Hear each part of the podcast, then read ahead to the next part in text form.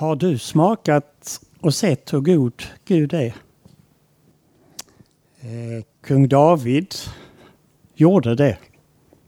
Han smakade och såg det. Eh, vi ska läsa från en av hans salmer, den 34 salm, salmen.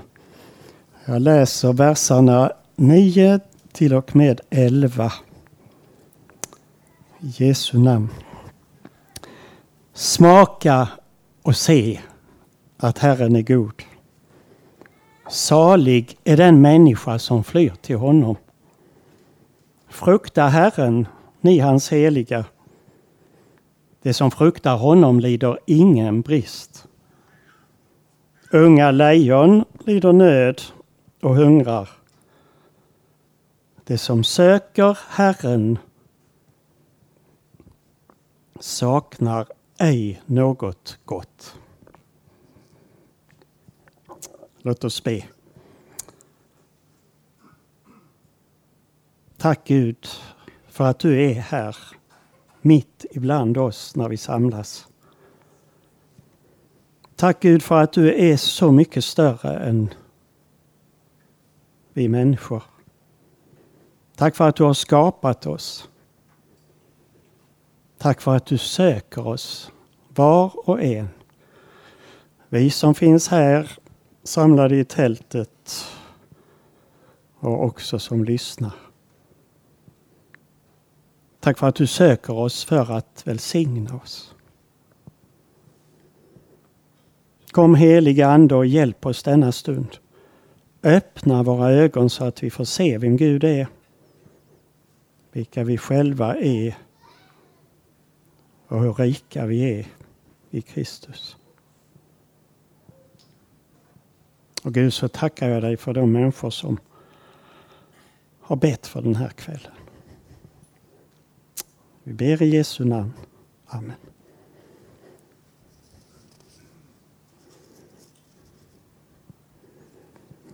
Vilken underbar värld vi lever i. Ni sångare började med den sången. O vad världen den är skön. Och det är den. Vi kan titta omkring på de vackra blommorna som finns här runt om oss. Rönnen som står här vid sidorna. Glöm inte att stanna upp inför naturens skönhet. Titta på blåklockan. Stanna kvar ett tag och titta på dess detaljer. Och alla de andra blomsterna. Det fyller oss med glädje när vi gör det. Och så gott med goda vänner som vi har tid med och kan prata med i lugn och ro och hastigt ibland och göra och mötas. Men också vilken omöjlig värld vi lever i. Så mycket kiv och stridigheter och gräl och tyckande och misslyckande och krig. Så mycket osäkerhet det finns. Och opolitlighet. Och ofrid. Och oro. Och ondska. Och egoism. Och likgiltighet. Ja, ni kunde säkert hjälpa mig att fylla på listan. Det tar ju aldrig slut. Och det finns också inom oss. Och vi är mitt uppe i det.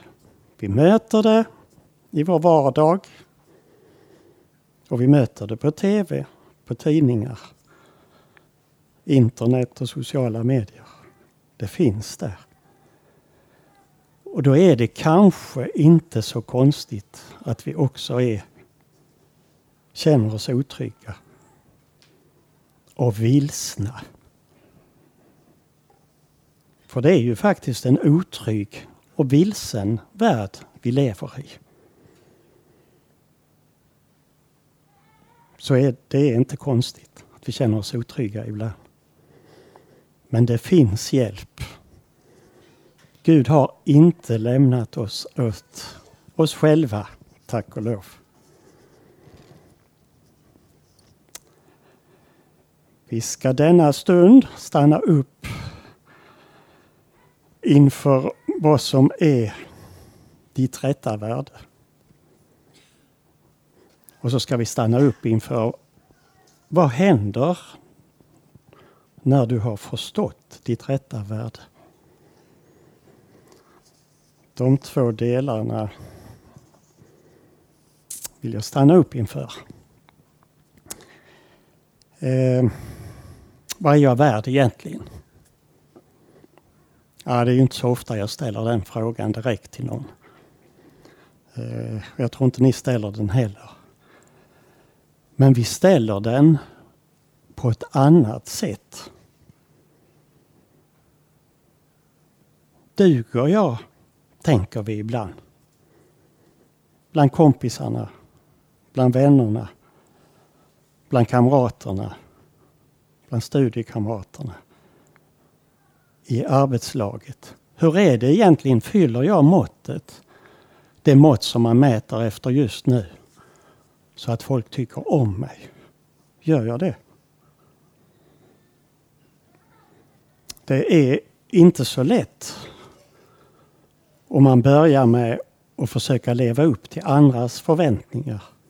Jag vet inte om ni har försökt det någon gång. Ibland gör vi det faktiskt. Och ibland är det ju ännu värre att försöka leva upp till sina egna förväntningar. För ibland är de ju inte realistiska. De förväntningar vi har på oss själva.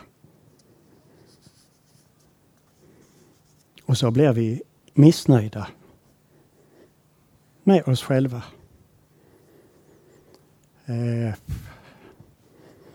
när jag hade kommit så här långt i min förberedelse så var det kanske inte så konstigt att jag kom att tänka på mig själv eftersom jag hamnade där en gång.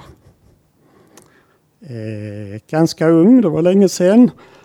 Eh, jag hade kommit in på läkarlinjen, studerade till läkare. Eh, hade klarat att komma in där med rätt liten marginal. Men jag kom in och var råplugget som de är de första åren. Det, det klarar jag ganska väl. Eh, hade väl någon omtenta. Eh, men sen började så smått på tredje året att jag började titta på andra. Hur duktiga de var. Vilka intelligenta frågor de ställde. Och ibland vilka svar de hade. Och så kom jag in i det ni vet, att jag började jämföra mig med andra. Som ju är livsfarligt. Och som ni förstår, eh, synen på mig själv blir ju inte så bra. Jag blir ju mindre och mindre värd. Och sämre och sämre i egna ögon. Istället för att åka på lektionen så tog jag bilen och stack min väg, tog med mig en bok, satte mig på ett fik, läste. Och, eh, eller ut i naturen ibland och satte mig. Och så fanns tankarna där som snurrade hela tiden. Jaha, vad gör jag nu? Och så hände det att jag gick på någon föreläsning och sen var jag tillbaka i samma. Och eh, jag förstod ju naturligtvis, så här kan man inte fortsätta att leva. Så att jag gick upp till kirurgprofessorn och sa att jag, jag får nog avbryta den här kursen. Eh, han bemötte mig väl inte så där proffsigt. Han gav inte någon längre tid när jag tittar i backspegeln på att prata med mig om det hela. Men jag slutade, fick hjälp av föräldrar och släktingar att få något jobb. Och, och tack och lov, jag fortsatte att läsa Bibeln. För under den här tiden, det blev en paus som sträckte sig över ett år. Men under den tiden så hände någonting. Mina ögon öppnades för mitt värde. Inte i andras ögon. Inte i mina egna ögon. Men i Guds ögon. Det hände något. Eh. Och hamnar du i en sån här situation, fortsätt att läsa din bibel. Gud möter dig. Han finns med dig. Jo, för det finns ju något mycket större än det här att leva upp till andras förväntningar. När vi tänker efter så vet vi att vi var och en av oss är skapade av Gud och vi är ju skapade. Eh, det förstår man även om man är kristen eller inte kristen så är vi ju skapade för att leva i harmoni med varandra. Och som kristen tror jag att jag också är skapt för att leva i harmoni med Gud. Och också i harmoni med resten av skapelsen.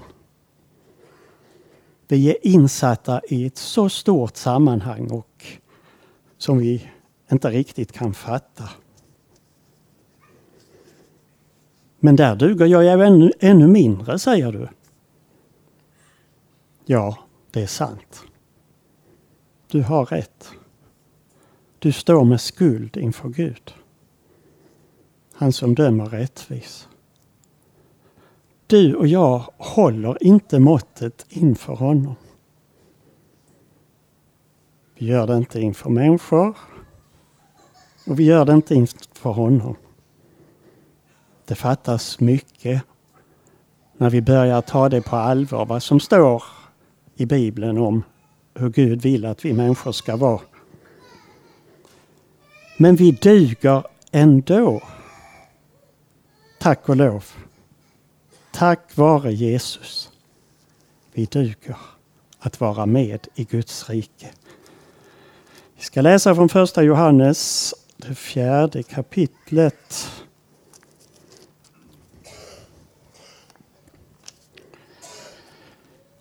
Från vers 9 och 10 där det står så här.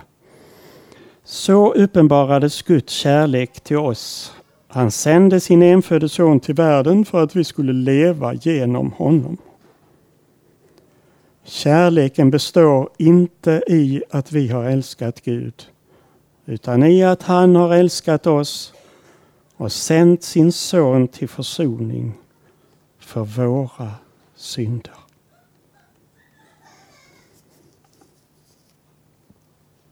Så kan vi förstå vårt rätta värde.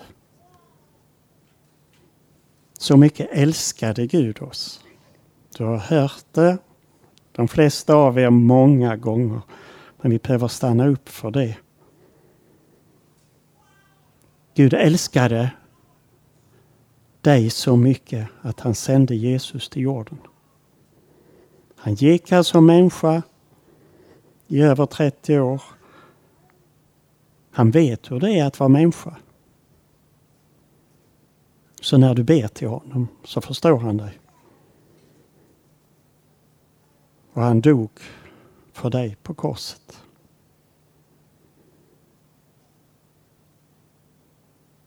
Om du och jag är osäkra på vårt värde här i världen, bli stilla inför korset. Dröj kvar där. Där ser du ditt rätta värde. Så är du befriad från syndens konsekvenser och du duger i Guds ögon. För Jesus skull. Och du slipper bry dig om människors tyckande. För det tar aldrig slut. Det betyder då inte så mycket för dig längre. Och du värderas inte utifrån vad du gör utan för vad du är i Kristus.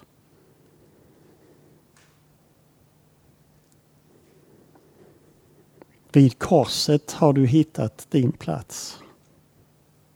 Vid korsets fot. Och det som händer då, det är ju att du är inte vilsen längre. I denna sargade och snart söndertrasade värld. För du har en plats där du är trygg. Där du är hemma. Ja, där du hör hemma. Så god är Gud.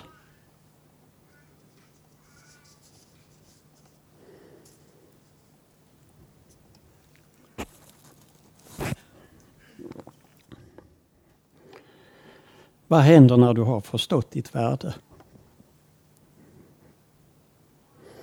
Jo, det händer saker när vi börjar förstå vårt verkliga värde. Det som vi har i Guds ögon. Med vilka ögon han, den allsmäktige, ser på oss människor. Ja, du känner säkert till liknelsen om det borttappade myntet som hittades. Och om fåret som var bortsprunget och också hittades.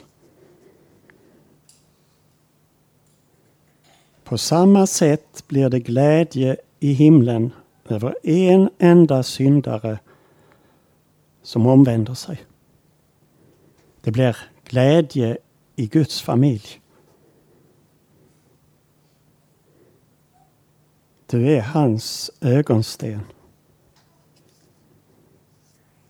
Som kören sjöng. Kantikum, ni sjöng den i, i onsdags tror jag det var.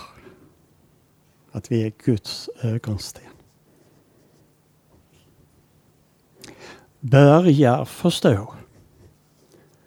Alltså då menar jag inte intellektuellt. Att du fattar vad det handlar om. Det behöver vi göra också. Att vi har en skuld inför Gud. Att den är betald. För att Jesus tog synden på sig och dog på korset för alla människors skull. Men jag menar förstår under din vandring här i livet. Att du stannar upp inför Gud. Att du ber om förlåtelse för konkreta synder. Och för din likgiltighet. Och för din egoism. Och din avundsjuka. Och att du är missnöjd. Att du gör det under dagen. Det enda sättet att börja förstå. Och att du också lever i förlåtelsen. Att du börjar be om förlåtelse också till människor. Och att du ger förlåtelse. För när vi gör det, och jag är säker på att de flesta av er har den erfarenheten och har märkt det, att det händer något hos dig då.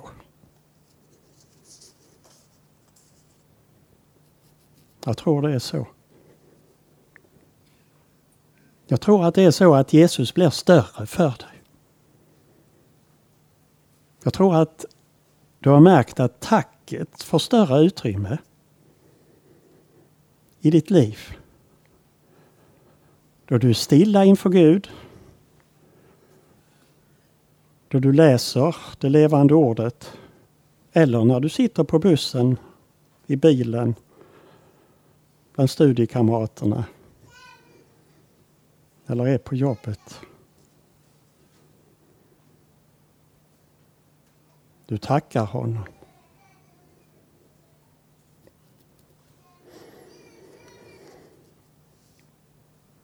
Och det som kan hända då, som du kanske också märker, jo som händer då när du tackar honom, det är ju att din gudsfruktan växer.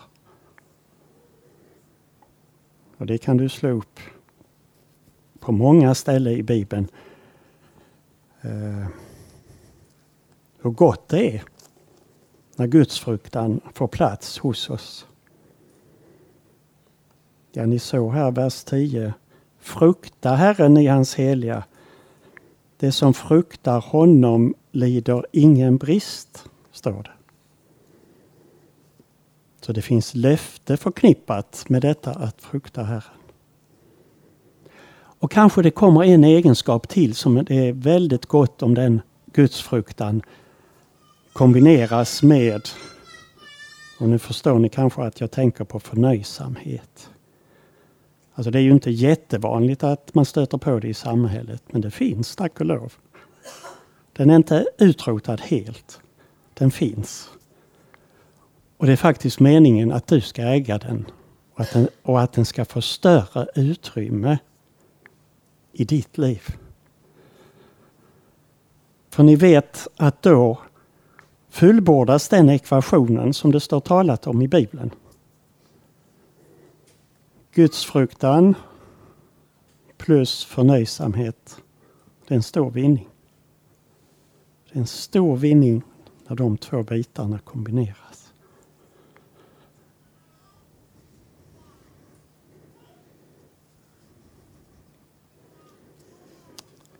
Eh, det blir också stort för dig när du ser ditt värde i kristen att, att du tillhör Guds stora familj. Det står om det i Efesierbrevet 2. Vill jag läsa de orden. Efesierbrevets 2 och 19 var det.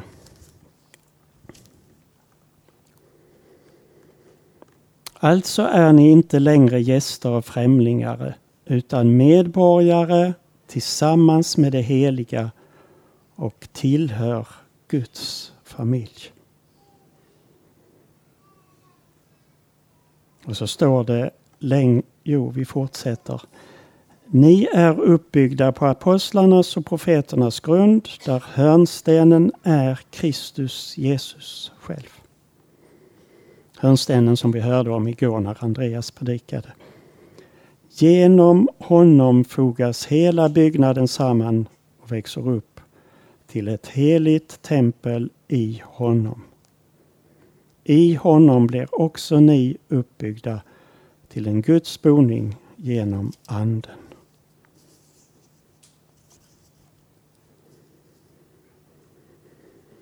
Och när detta, att vi är medborgare i Guds rike, när det blir stort och blir det som vi värderar,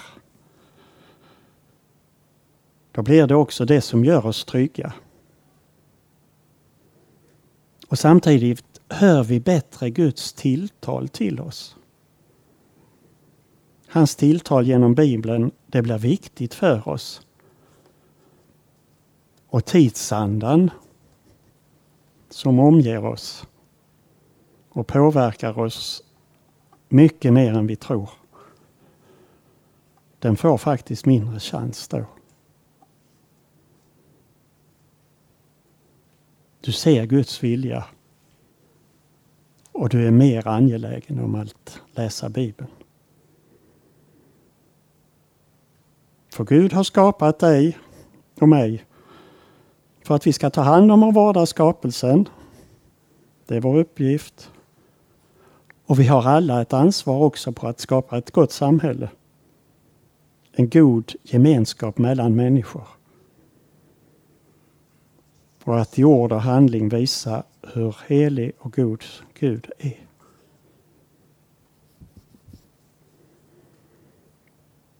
Och när jag tänker på det med, med vår uppgift gentemot varandra, gentemot oss som kristna, så har vi också en uppgift. Ja, jag undrar vad är det då för önskan som du bär på? När du tittar på din granne vid sidan om dig eller framför dig. Vad önskar du din granne? Fundera på det.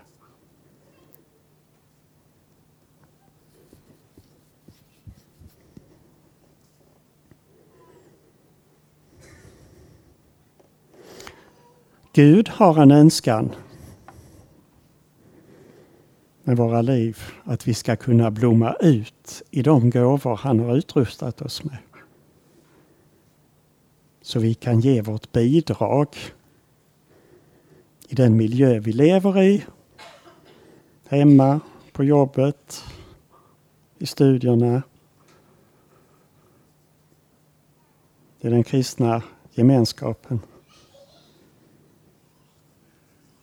Så att fler kan se hur god Gud är.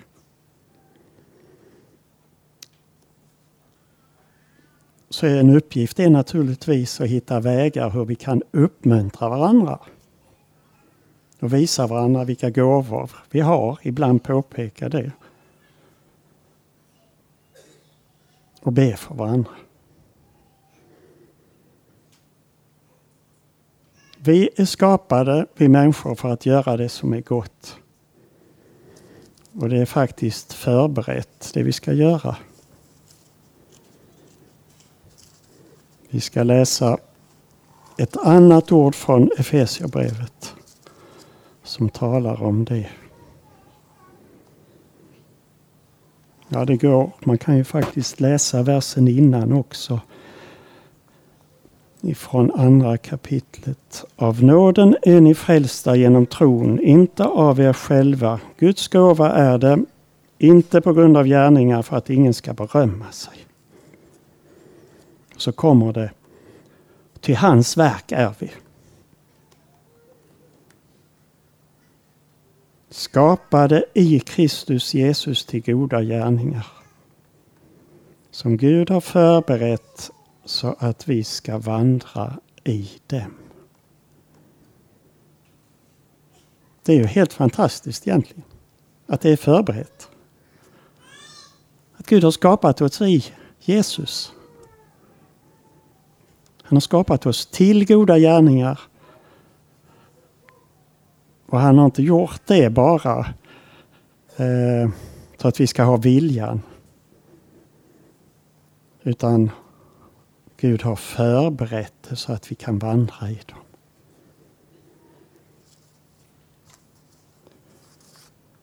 Eh, och det är ju något annat än det som lätt fyller oss. Att jäkta runt med en massa måsten vi har. Jag tror en del av er har en del måsten.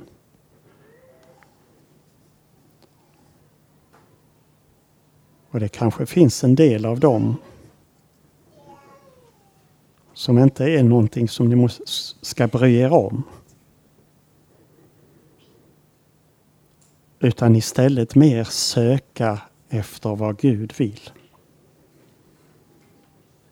För då är det några måsten som inte blir så viktiga längre. Och så står det att vi ska vandra i de här gärningarna. Det är ju så gott att ha ro i det man gör.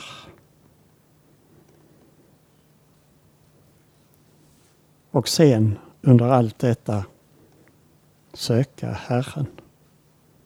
Söka hans vilja. Så att han kan välsigna oss. Så att han kan ge mer av sitt goda. Och jag vet inte om ni funderar någonting på den sista versen jag läste. Av de tre saltarverserna så sista versen stod det Unga lider, lejon lider nöd och hungrar. Det som söker Herren saknar ej något gott. Den som söker Herren. Och Det kan vi ju göra var och en av oss. Det stod inte den som söker Herren och ser till att finna det som är det rätta.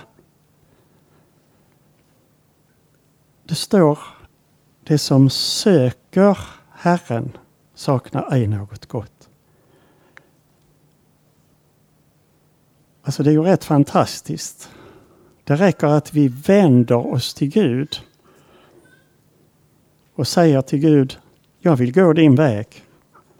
Jag vill att du visar mig hur jag ska göra här. Att jag lägger fram det inför honom.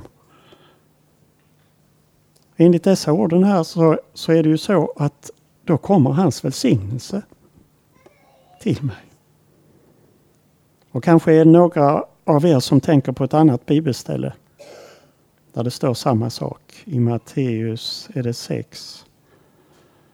Söken först Guds rike och hans rättfärdighet så ska allt detta andra tillfalla er. Det finns en välsignelse i att söka Gud och hans vilja.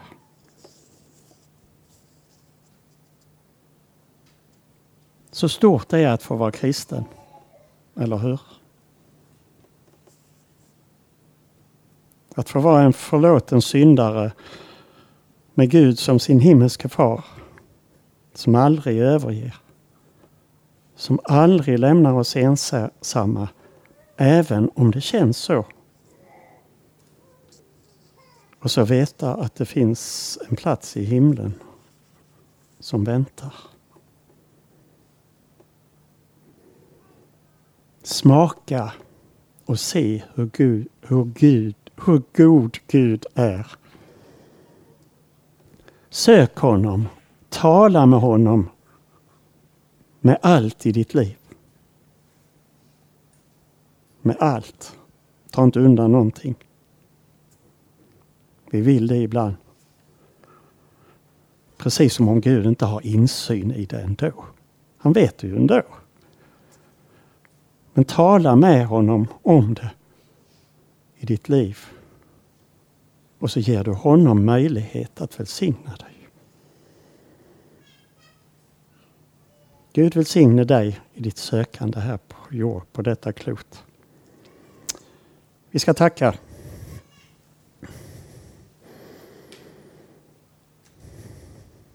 Tack Gud för att du är så god. Tack för att du söker oss. Tack Jesus för att du vann seger på korset. För min skull. För alla människors skull. Hjälp mig att finna min viloplats vid korset. Amen.